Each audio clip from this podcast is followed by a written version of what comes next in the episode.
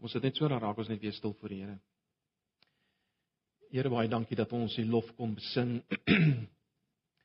Wonderlik is dit om maar net U groot te maak, Here, want U is dit waardig. U is die enigste een in hele skepping wat dit waardig is om aanbid te word.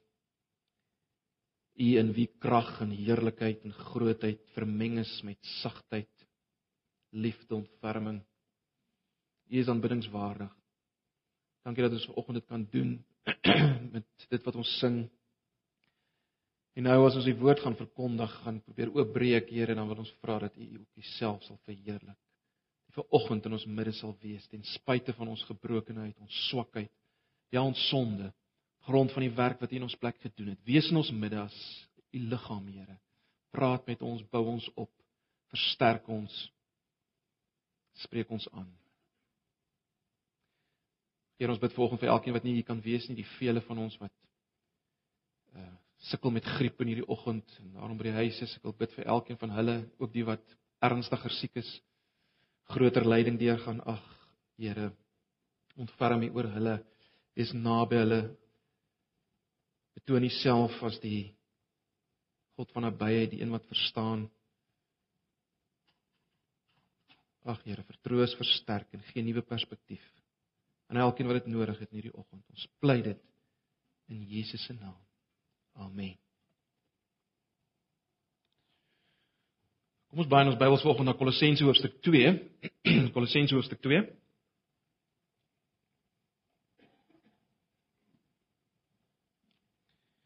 Baie bekende gedeelte, maar ek dink uh is gepas om vanoggend ook by hierdie uh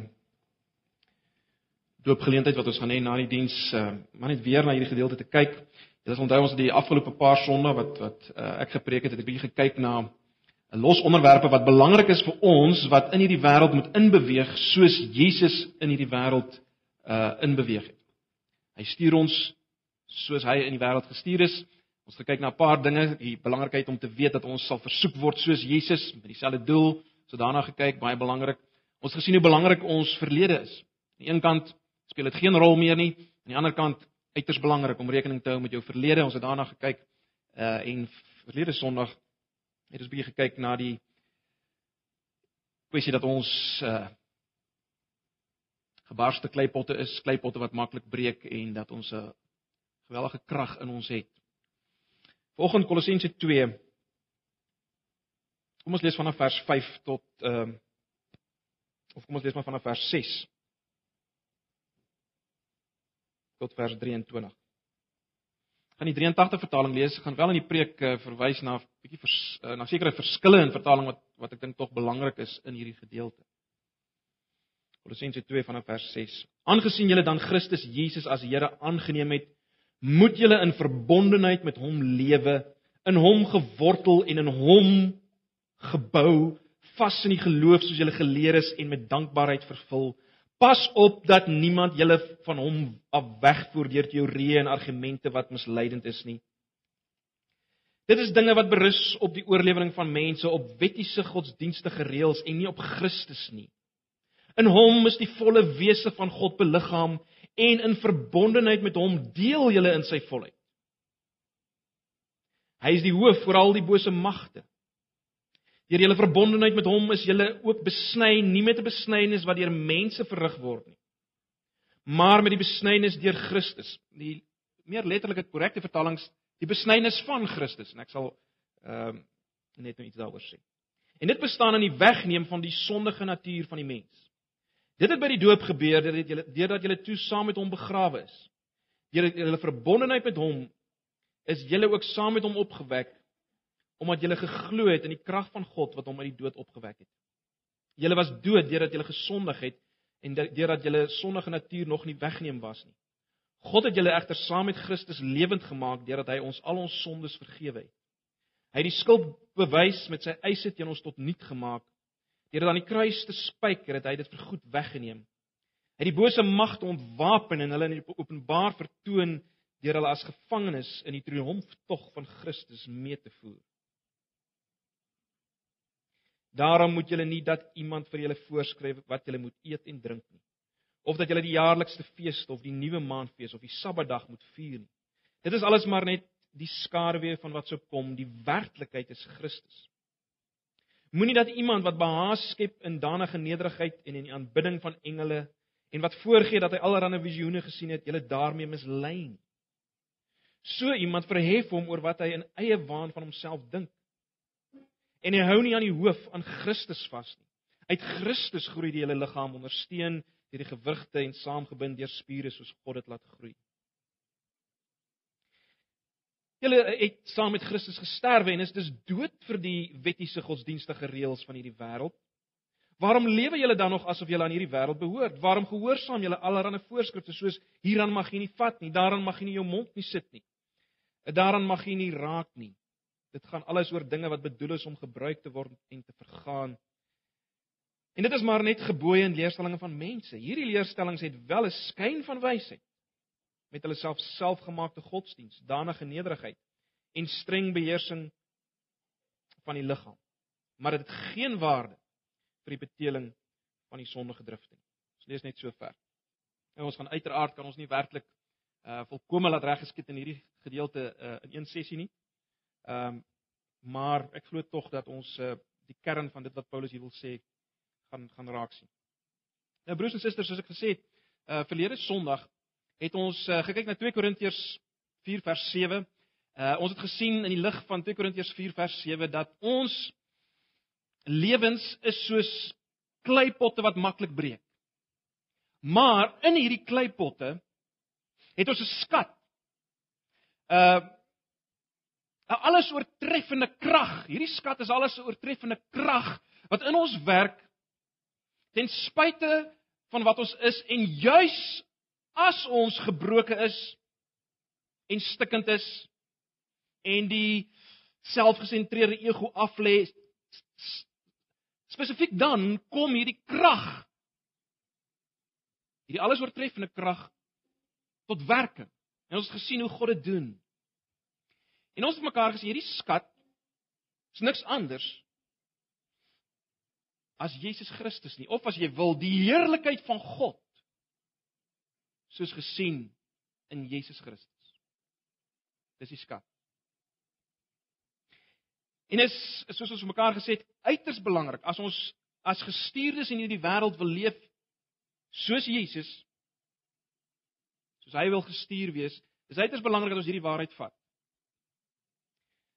Vanoggend wil ek hê ons moet kyk na die gevaar daarvan om 'n ander skat te soek as ek dit negatief kan stel. Die gevaar daarvan om 'n ander skat na te jag, positief gestel. Ek wil hê ons moet opnuut bewus word wat het ons? Wat het ons in hierdie skat? Wat het ons in hierdie skat? En ek hoop uh ons sal ook sien uh die rol wat die wat die doop in hierdie hele saak speel. Die belangrikheid daarvan. Broers en susters, Die gevaar by ons is om op te tree soos 'n man wat 'n biljoen rand geërf het. En hy bly in 'n karavaanpark om 'n tentjie opgeslaan en elke dag loop hy rond en hy soek hier 'n werkie en daar 'n werkie om darm net te kan voorsien in dit wat hy nodig het om beter lewensstandaard te probeer handhaaf. Dis 'n pateet. Dis pateties. Hy het 'n biljoen rand geërf. Die geweldige vanoggend is dat ons geestelik gesproke presies in dieselfde posisie kan wees. Baie Christene, en jy's dalk van hulle vanoggend onder ons, leef eintlik soos daai man. 'n Bedelaars bestaan terwyl jy ontsaglik ryk is in Christus. Ontsaglike skatte, die skat waarvan ons verlede Sondag ook gepraat het. Jy's altyd op soek na iets anders.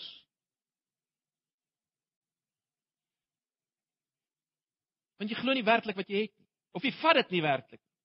En jy leef nie in die lig daarvan nie. Jy's altyd op soek na iets anders. Nou dit was die toestand gewees van hierdie mense in die uh, gemeente van Kolosse. Dis jy's hoekom Paulus uh, hierdie hierdie brief skryf.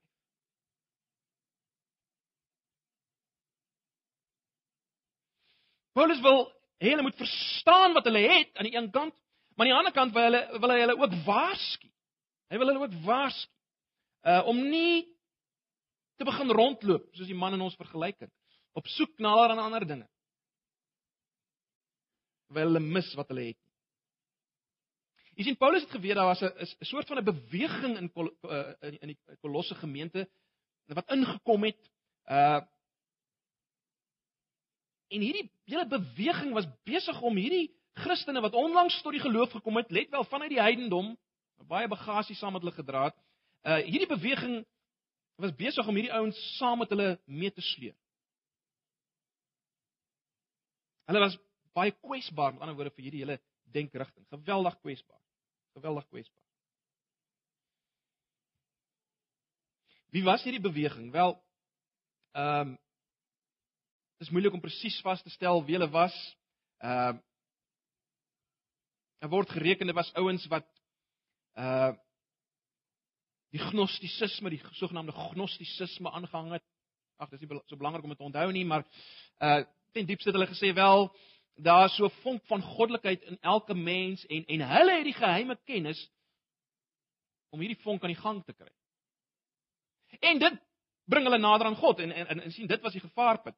Dit maak jou 'n hoër klas Christen, 'n meer aanvaarbaar voor God en dis die gedagte wat versprei is. So luister na ons.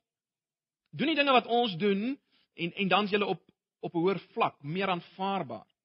So daar's eintlik neergesien op die kom ons sê die gewone Christene wat nie hierdie geheime kennis van hierdie groep ouens gehad het. En daarom kom Paulus en hy sê pas op. Kyk na vers 8. Pas op dat jy nie meegevoer word deur hierdie ouens nie.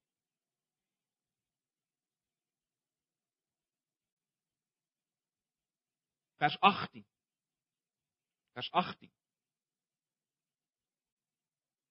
Moenie dat iemand uh Kom ek lees die meer die die uh die, die, die 83 vertaling sê moenie dat iemand wat behaas skep en daarna nederigheid en in aanbidding van engele en wat voorgee dat hulle allerlei visioene gesien het, julle daarmee mislei nie. Uh die die die meer letterlike in in die 83 vertaling sê laat niemand julle van julle prys beroof nie. So daar's 'n waarskuwing. So Pas op dat iemand julle mislei nie vers 8. Moenie dat iemand julle van julle prys beroof nie. Vers 18. Dis die gedagte daarin. So verkies daardie die die 53 vertaling. Jy sien Paulus het geweet, broers en susters, dat die Satan het een begeerte. En dis om ons weg te dryf van van die volkomendheid wat ons het in Jesus Christus. As as die Satan ons net aan iets anders kan laat vashou, is hy baie gelukkig. Hy's uiters gelukkig as ons in 'n stuk dryfhout vas vashou en doodgespartel op die ewigheidsstrand uitspoel. Hy's doodgelukkig. Want die Satan haat Jesus. Hy haat hom met 'n passie. Hy wil mense weghou van Jesus. Hy wou hierdie mense weghou van Jesus. Hy haat hom met 'n passie. Jesus het ons gesien in hierdie gedeelte wat ons gelees het, het 'n bespotting van hom gemaak uh op Golgotha. Hy het geweet sy verdoeming wag. En daarom probeer hy soveel as mense saam met hom sleep. En hy weet as hy hulle kan weghou van Christus, van Jesus self en die genoegsaamheid in Jesus wel, dan gaan hy slaag daarin. Nou miskien sê jy sê jy op hierdie stadium wel Jakobus dit was die geval in in Kolosse gemeente, wat het dit met ons te maak? Wel broers en susters, ek ek dink baie van die dinge wat wat hier Miskien met 'n bietjie bietjie van 'n ander kleur uh na vore gekom met hierdie hele beweging is reed of laat ek so sê is steeds in ons midde. Steeds spring lewendig. En die duiwel sit ons steeds daar agter, hoor. Is in ons midde. En daarom wil ek net 'n paar dinge uitlig. Uh ek wil hê ons moet bietjie kyk wat het hierdie beweging behels volgens Paulus hier. En uh bietjie kyk of dit of dit ons raak. Ek dink 'n mens kan basies drie strome hier onderskei binne hierdie beweging. Die eerste een is wat ek sal wil noem die kom ons noem dit die filosofiese stroom. Uh in vers 8 tot 10 word daarvan gepraat. Uh julle sal sien die 53 vertaling, die van julle wat die 53 vertaling het, daar daar staan pas op dat niemand julle as buit wegvoer deur die wysbegeerte nie. Die 83 vertaling vertaal dit met teorieë en argumente nie. Wysbegeerte of teorieë en argumente nie. So dis die eerste lyn uh stroom. Dan is daar 'n uh, wat ek wil noem 'n wettiese gemeng met asketiese rigting. Uh ons kry dit in vers 11 tot 17 en ook weer in 20 vers tot 23. So vers 11 tot 17 en weer in 20 vers 23. En daar's daar en dan is daar 'n derde stroom wat my sou kon noem die mistieke stroom. Mistiese stroom. En nou hierdie goed het oorvleuel, né? Nee, en jy sal sien dat dit oorvleuel. Ehm um, mens kan dit miskien nie presies heeltemal so afbak nie. Maar kom ons kom ons kyk daarna. Uh die eerste stroom wat wat wat ek noem die die filosofiese stroom. Julle sê gesien het die woord wat daar gebruik word in die 53 vertaling, die letterlike woord is die woord uh vir filosofie in die Grieks of wat dan vertaal word met wysbegeerte. In kort is dit die liefde vir menslike wysheid. Mense sê in die algemeen is dit die die poging van mense om verskynsels te verklaar. Of dit nou of dit nou verskynsels van bestaan is of van etiek of van estetika of wat die geval is, die begeerte om dinge te verklaar en dit gee mense die gevoel dat hulle beter greep op die lewe het. Gee hulle die gevoel dat hulle 'n beter greep op die lewe het, dit beter verstaan en baie belangrik.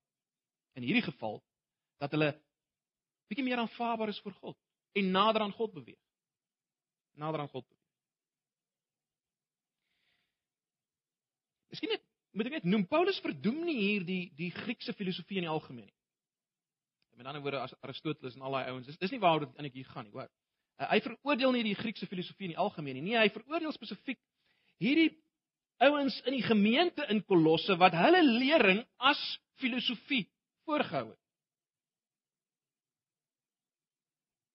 Julle sou sien Paulus sê dat hierdie filosofie van hulle of wysbegeerte as as jy die 83 53 vertaling vat of hierdie teorieë en argumente uh Julle sal sien Paulus sê dit berus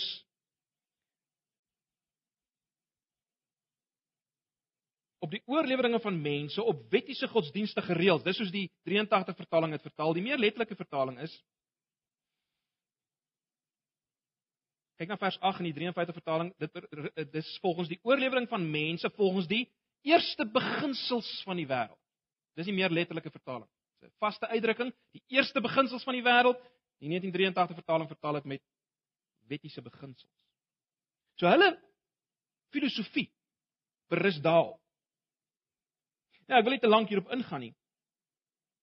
Maar Paulus verwys hier na 'n tipe denke wat min of meer so klink. Doen dit en dat sal gebeur. Doen A en B sal die gevolg wees. Nou in die Ou Testament was daar iets daarvan. Mens mens dink aan Deuteronomium 29 vers 9, onder onderhou dan die woorde van hierdie verbond en volbring dit sodat jy voorspoedig kan wees in wat jy doen. Nou die gevaar is om in die nuwe verbondstyd te lewe volgens daai beginsels. Met ander woorde, om te dink as ek my kinders op 'n sekere manier grootmaak, sal hulle verseker goed uitdraai.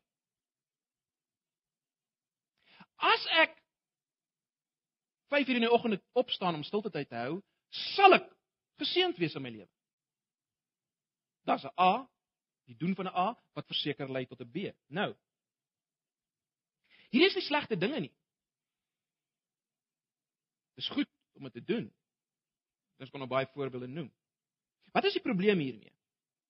Wat is die probleem hiermee? Die probleem hiermee is jy begin vashou aan hierdie filosofie. Hierdie of dan hierdie eerste beginsels. Jy hou daaraan vas in plaas van aan Christus. Die een wat gesê het ek is alles. Die een van wie die Nuwe Testament duidelik maak hy is die seun van die Nuwe Testament. Hy self. Hy is die voorspoedige lewe. Hy is dit self. Nie dit wat hy kan gee vir jou nie. En daarom kan jy in haglike omstandighede, weet ek het dit al baie vir julle gesê, jy kan op 'n kankerbed gekluister lê en absoluut geseënd wees as jy Christus het. So die gevaar hiervan is doen A, verseker lei dit tot B. En jy hou daaraan vas. En nie Christus. Nou hand aan hand hiermee gaan die volgende uh stroom wat ek genoem het wettisisme gemeng met kom ons noem dit asketisme in vers 11 tot 17 en 20 vers 23. Hand aan hand hiermee, want wat gebeur nou dikwels? Hierdie reëls wat ek vir myself maak, hierdie hierdie reëls wat ons nou van gepraat het. As ek A doen, dan sal B gebeur. Hierdie reëls word baie gou wette. Dit word baie baie gou wette. En as jy dit nie nakom nie, dan voel jy nie meer jy's 'n Christen nie. Dan twyfel jy aan jou Christendom. As jy dit wel nakom, dan voel jy goed oor jouself.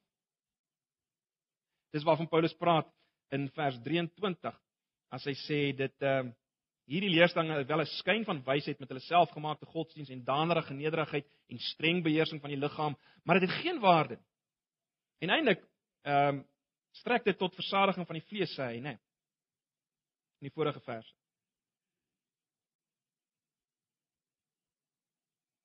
Jy voel goed oor jouself. Goed voel goed oor jouself. Nou, broers en susters, mense kan baie voorbeelde noem. Vandag se lewe reëls word gemaak oor kos en drank en klere drag. En as jy hierdie reëls aan hierdie reëls voldoen, dan is jy meer geestelik. So wat, in feite gebeur is dinge wat eintlik die uitvloeisel is van die normale Christelike lewe. Jou Christendom sal 'n effek hê op jou kos en jou klere drag ensovoorts. Maar hierdie dinge wat wat 'n normale uitvloeisel is van jou Christelike lewe, word ewe skielik toelatingsvereistes om werklike Christen te wees. Word verander na toelatingsvereistes om werklike Christen te wees. En en natuurlik word iets so stilte tyd op dieselfde manier gebruik. As jy dit op 'n sekere manier doen, sekere tyd, vir sekere sekere lengte is jy meer aanvaarbaar. Is jy meer Christen. geestelike aktiwiteite. Sommige mense voel verplig om aan alle geestelike aktiwiteite deel te neem. Want dan is hulle meer aanvaarbaar. Dis kan amper sê die Christelike weg ding mee met Christus wat sê ek is die weg. Kan baie subtiel wees. Baie subtiel wees. Dit kan dinge wees soos so sondebelydenis. Die dwang om alle sonde in die openbaar te bely. En as ek dit nie doen nie, dan lei dit tot tot geweldige innerlike konflik. Daar's sulke bewegings in ons dag. Dalk is hier nie een van julle wat daarmee sukkel. Jy sien wat gebeur is die duiwel hou jou aan hierdie nuwe wet wat jy gemaak het. Herinner jou daaraan. Jy's ge, jy's gebind. Selfs iets soos getuienis kan so wet word. Sommige groepe bewegings lê baie klem daarop Jy moet getuig as jy Christen is. Nou, dit is waar. Maar jy sien dit wat 'n uitvloeisel moet wees word dan 'n wet. So as ek nie elke geleentheid gebruik nie, wel dan dan dan is God nie meer gelukkig met my nie. So hulle is nooit seker of God gelukkig is met hulle nie want hulle kom nie by alles uit nie. En baie keer dan voel hulle hulle moet na hierdie ou toe gaan en dan geklop hulle aan sy deur en dan is hy nie daar nie. Gebeur. Maar is gebind deur hierdie ding. Dis 'n binding. Dan is daar die derde derde groepering waarvan ek gepraat het. Kom ons noem dit mistisisme. Kortweg beteken dit dat geestelike waarheid word gesoek in innerlike gevoelens, in intuïsie en sensasie en nie in die objektiewe waarhede van die Bybel van die woord nie. Nou, onmiddellik moet ek sê en ek het dit al hier duidelik gesê, Christendom het gevoelens. Dit moet gevoelens hê. As dit nie jou gevoelens raak nie, is 'n groot fout. Die Bybel is baie duidelik daaroor. Vreugde in die Here wat ons eintlik moet najag, verseker. Wat is die probleem hier? Weereens die najag van innerlike gevoelens, belewinge, wat dit ook al mag wees, visioene, wat dit mag wees, najag daarvan sodat ek meer aanvaarbaar is vir God of sodat ek voel hy is meer gelukkig met my. Ek is op 'n hoër trappie. Ek is verder as die ander. Jy sal sien in in die Kolosse gemeente uh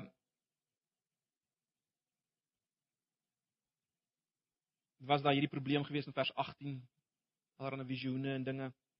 Uh hulle praat van die aanbidding van engele, mense wat voorgee dat hulle allerlei visioene gesien het. Dit was die probleem daar. Nou vir Vandag is hierdie dinge nog steeds onder ons. Uh miskien net in 'n ander vorm. Die gevolg is dikwels dat Baie Christene voel minderwaardig. Ek ek ek, ek kan nie praat van hierdie visioene nie, hierdie stem wat met my gepraat het. Iets wat baie bekend is is die Here het vir my gesê. Nou dit kan maklik en, en niemand definieer dit nie en kan maklik eh, 'n uh, ding raak van Die Here het vir my gesê het, het hy al vir jou iets gesê, soort van. En en baie Christene voel weer eens minderwaardig want dit gaan nou oor hierdie hierdie manier van die stem van die Here hoor deur een of ander ander tegniek. Party ons vir jou duidelik sal sê hoe werk die tegniek en maar maar ek wat net die woord het en en en die laaste geopenbaarde woord Hebreërs 1 vers 1 wat God gespreek het in Christus. Ek ek kan nie dit so sê nie of ek voel nie ek kan dit so sê. Hierdie tipe goeters is is onder ons. Of daar's die belangstelling in die okkulte en die bose ehm um, mense met geweldige kennis oor die goed en dan voel jy ander gewone Christen maar ek mis dit. Wat is die wat is die probleem weer eens? Christus is nie meer die alles oorweldigende skat nie. Hierdie ander goed raak.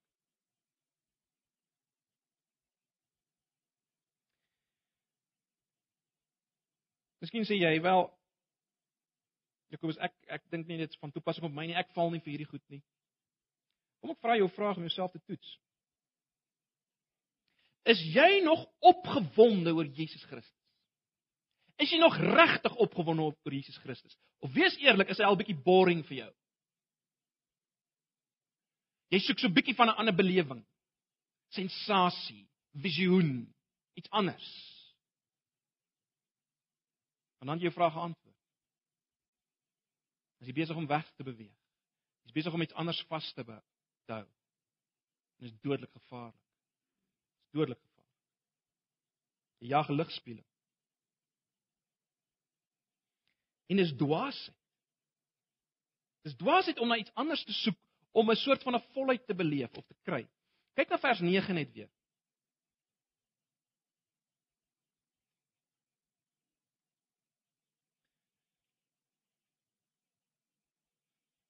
Die 83 vertaling sê in hom is die volle wese van God beliggaam.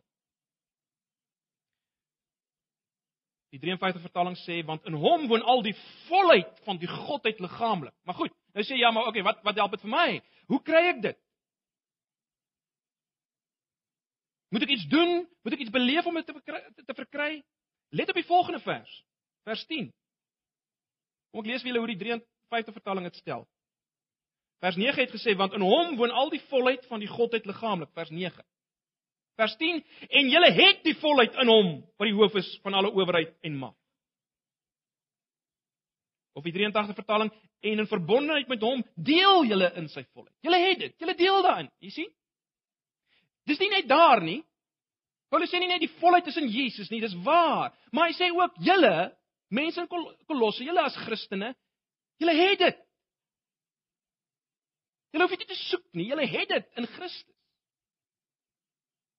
As Christen. Ag, die Bybel is vol daarvan, broers en susters, ons het al baie daarvan gepraat. Julle het dit. Die volheid in hom. Dis wat Paulus sê. Miskien sê jy ja, ja, maar ek voel nie so nie. Uh dit kan nie wees nie. Ek doen nog so baie dinge verkeerd. Ek is nog so skuldig. Ek sukkel nog so met my met hierdie aspek en daai aspek. Wel, dit maak nie saak nie. Dis steeds God se uitspraak. Jy het die volheid in hom. Volgens sy perspektief is die wesenswaarheid oor jou. Hy's absoluut gelukkig met jou in Christus. In Christus. Jy het die volheid. Jy het die skat. God sien jou as volkome en dis wat tel, nie waar nie? Hoe God jou sien. Nou om dit duidelik te maak, kom Paulus in hierdie gedeelte en hy wys wat het God gedoen met hulle as gelowiges. En is dinge waarna ons al gekyk het. Ek gaan nie te lank op stil staan nie. Eerstens kyk na vers 14. Sê Paulus, hy het die skuld bewys met sy eise tot teen ons tot niet gemaak. So jy jy sukkel met ek voel heeltyd skuldig. Ek doen nog nie dit nie en ek staan skuldig aan dat. Wel Paulus sê, die skuldbrief met sy eise teen jou is tot niet gemaak. Waarvan praat hy? Wel, Dit was die gebruik in daai dae om bo die kop van 'n misdadiger die lys dinge waaraan hy skuldig was, waarvoor hy veroordeel word, is geskrywe bo sy kop. Hierdie ou staan skuldig aan al hierdie goed dan word daar vasgekap en dan uh dis waarvoor hy dis waarvoor hy sterf as hy gekruisig word. Nou sê Paulus dis presies uh wat gebeur het toe Christus gesterf het. God het as te ware bo Christus se kop neergeskryf alles waarna hy skuldig is.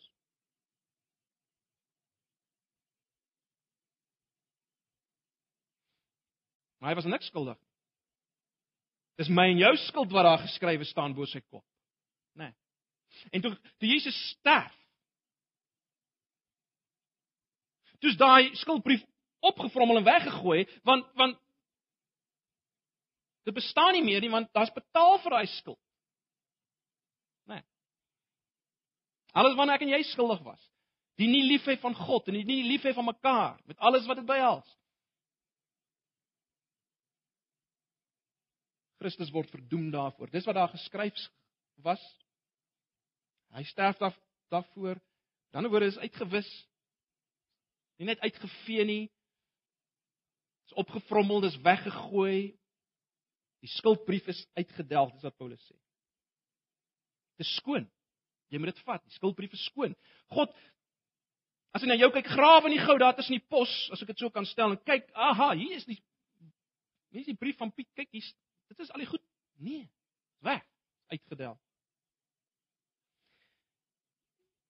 Dan sê hy in vers 15, hy het die bose magte ontwapen en hulle openbaar vertoon deur hulle as gevangenes in die triomftog van Christus mee te voer. Ek wil nie hier lank op ingaan nie, maar die punt is maar net as die duiwel jou aankla met allerlei dinge, dis waar van hom.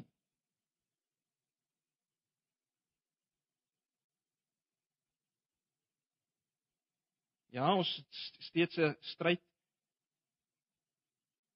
Efesiërs 6 met die bose, maar hierdie waarheid moet ons vat. Die duiwel is soos 'n slang wat waarvan die waarvan die rug gebreek is. Hy's magteloos om ons aan te tas. Hy kan ons nie eens aankla nie. Hy het niks om te sê nie. Hy's verdoem en hy's openbaar tentoongestel. As oor hom getriomfeer. Ons moet dit vat en in die lig daarvan begin leef, want ons doen dit nie. Ons glo wat hy vir ons sê. Ons luister na hom. En dan is daar nog iets.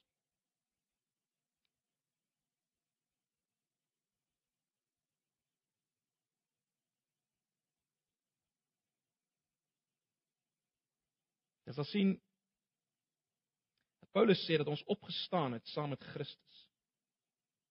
In vers 12, die tweede deel.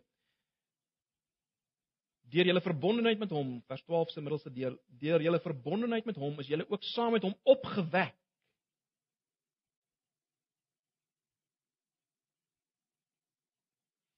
Dis die waarheid oor ons. Ons is opgewek saam met Christus.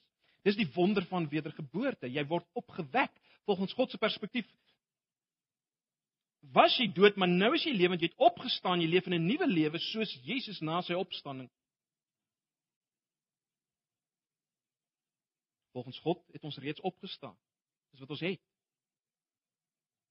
En dan vers 11 en ek wil 'n bietjie daarop stil staan. Vers 11.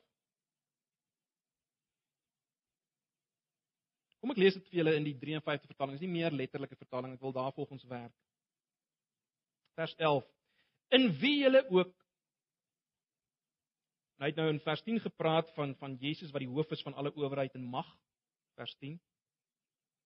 In vers 11 lees dit so: In wie julle ook besny is met 'n besnydings wat nie met hande verrig word nie, deur die liggaam van die sondige vlees af te lê in die besnyding Christus omdat julle saam met hom begrawe is in die doop waarin julle ook saam opgewek is deur die geloof in die werking van God wat hom uit die dode opgewek het.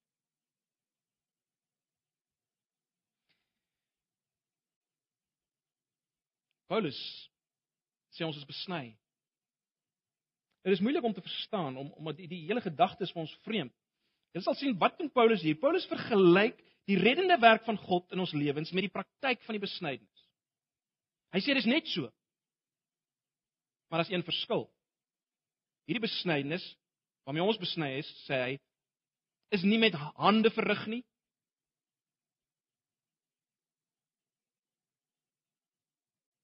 Of as jy wil, dis nie deur mense verrig nie. 83 vertaling, maar meer letterlik, dis nie met hande verrig. So dis net so. Net soos die besnydenis, maar dit is nie met hande verrig nie. So hy praat van 'n geestelike ding, nie 'n fisiese ding nie. En hy sê wat weggesny word is nie die manlike vooruit nie, maar die liggaam van die vlees. Die liggaam van die sondige vlees, dis so die 83 uh, 53 vertaling dit stel. Of dan die sondige natuur. Paulus sê wat weggesny is in hierdie besnydenis sonder hande is daai ou mens wat jy was in Adam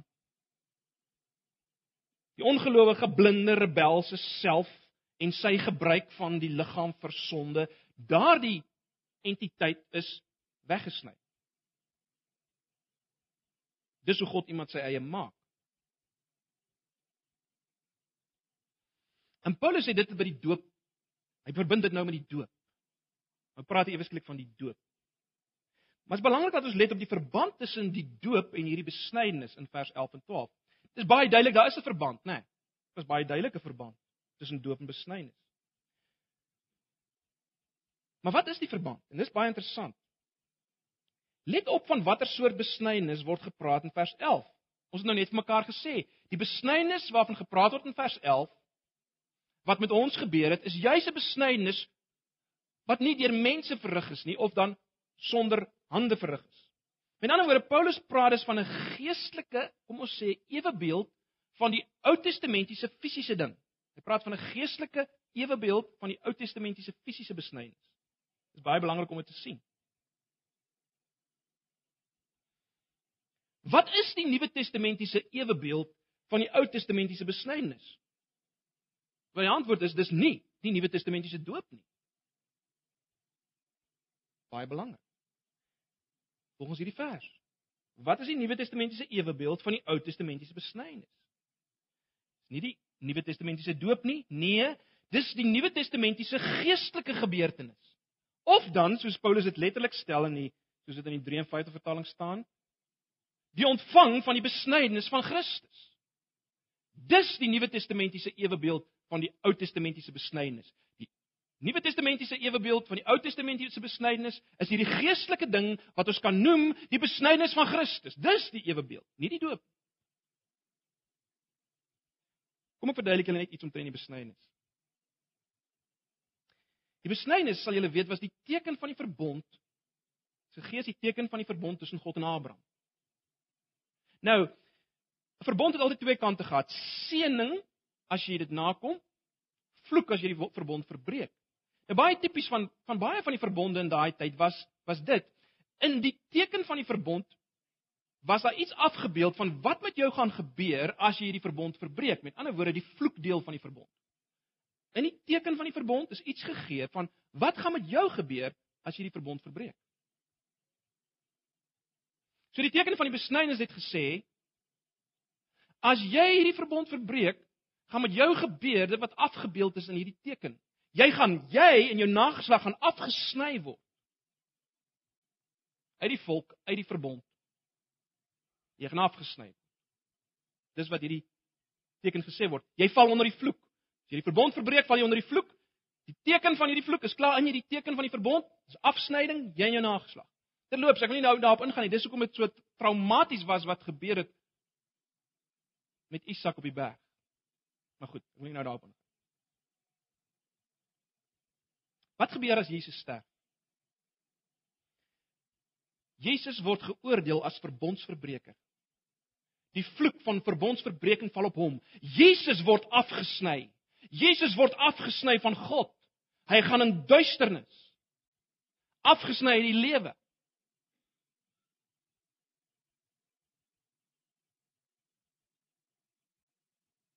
Maar hoekom word hy afgesny? Omdat my en jou sonde op hom gelaai is. My en jou lewe. So die een wat afgesny is, is nie hy nie, dis ek en jy in werklikheid. Toe hy afgesny word, uit God se teenwoordigheid gewerp word op Golgotha. Toe word ek en jy, ons ou mens wat ons was in Adam, word afgesny in hom. Dis die besnydenis van Christus. En dis die ewe beeld van die Nuwe Testamentiese doop. Die besnydenis van Christus. Ek en jy is afgesny saam met hom. Wat is die doop?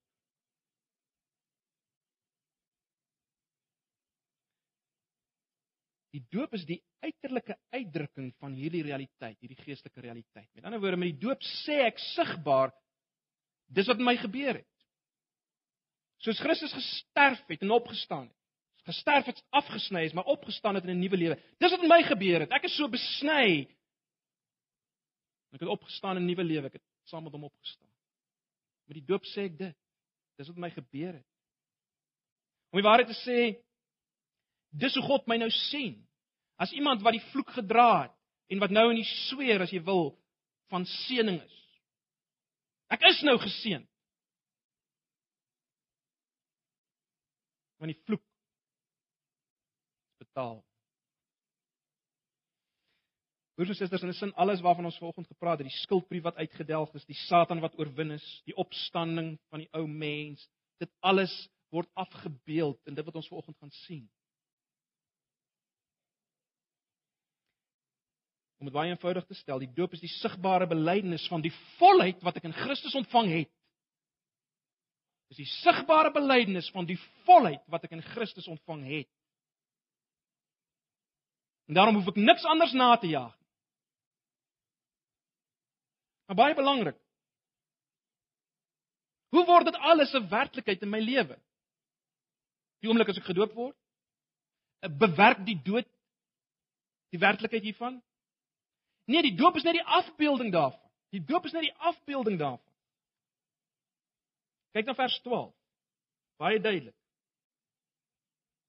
Ek lees dit maar weer in die 53 vertaling omdat julle saam met hom begrawe is in die doop waarmee julle ook saam opgewek is deur die geloof in die werking van God wat hom uit die dode opgewek het. Baie baie belangrik broers en susters. Julle kan maar gaan kyk na hierdie selfe hoofstuk vers 6 en 7, hoofstuk 1 vers 23. Jy sien, wat is ons groot krisis? Hoekom val ons vir al hierdie misleidinge? Hoekom hardloop ons agter so baie dinge aan? Want ons wil sien en ons wil voel. Voor ons glo. Maar geloof kom eerste. Absolute geloof. En daar's 'n wonderlike paradoks in geloof. Uh Michael Card het dit op 'n stadium dit so gestel met in een van sy liedere. Hy sê, "To hear with my heart, to see with my soul, to be guided by a hand I cannot help, to trust in a way that I cannot see, that is what faith must be."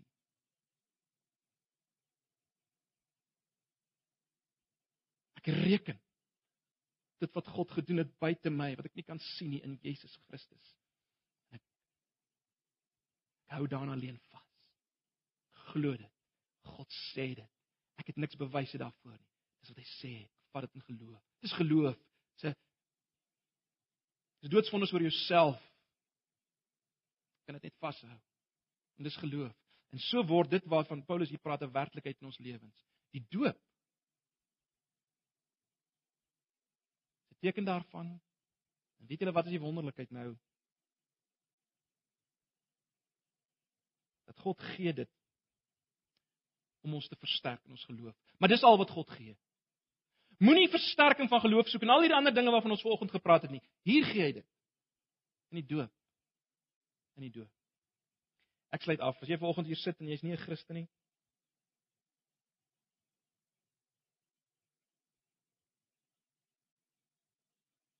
Jy sal jouself mal jaag agter allerlei belewinge, skatte om volheid te vind, werklike lewe te vind en jy gaan dit nie vind nie. Hoor vanoggend dit wat God gedoen het in Christus Jesus. Besef waar jy staan. Vlug na Christus. Vlug na Christus, omhels hom in die geloof, dit wat hy gedoen het in jou plek. Verneder jouself. Werk jouself op hom. Dis die enigste hoop. Dis die enigste hoop. Dan jy die volheid in hom. En laat jou dan doop. Laat jou dan doop. Dis bewys daarvan. Dis 'n tuienis vir almal daarvan. Laaste woord aan ons as Christene. Hoop om jouself moeg te maak met dinge buite Christus. Beteken dit ons moet selftevrede wees in ons Christelike lewens? Nee. Kolossense 3 vers 1 sê as julle dan saam met Christus opgewek is, hy vat dieselfde beeld. Soek die dinge wat daar bo is waar Christus is. Hou julle daarmee besig, bedink dit. En dan word bedink die implikasies van my nuwe posisie in Christus. Dink dit deur in my lewe. Wees daarmee besig. Soek 'n dieper verstaan van wat ek het in Christus. Pleit daarvoor. Ja, 'n belewing sal kom. Maar moet dit nooit omdraai nie. Soek Christus, lê die klem op hom en mag die Here vir ons almal al meer en meer iets daarvan laat besef. Die wonderlike volheid wat ons het in hom, die skat in ons. Ons wat maar kruike is, potte is wat maklik breek. Amen. Kom ons bid net saam. Here baie dankie vir die woord.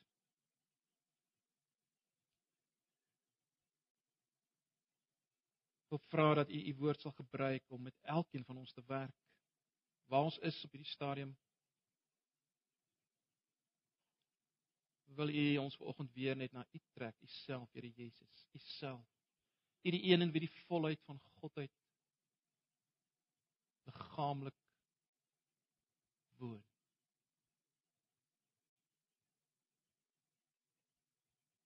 En ons het deel in daardie volheid. Open ons oë om dit te sien. Ons pleit dit in Jesus se naam. Amen.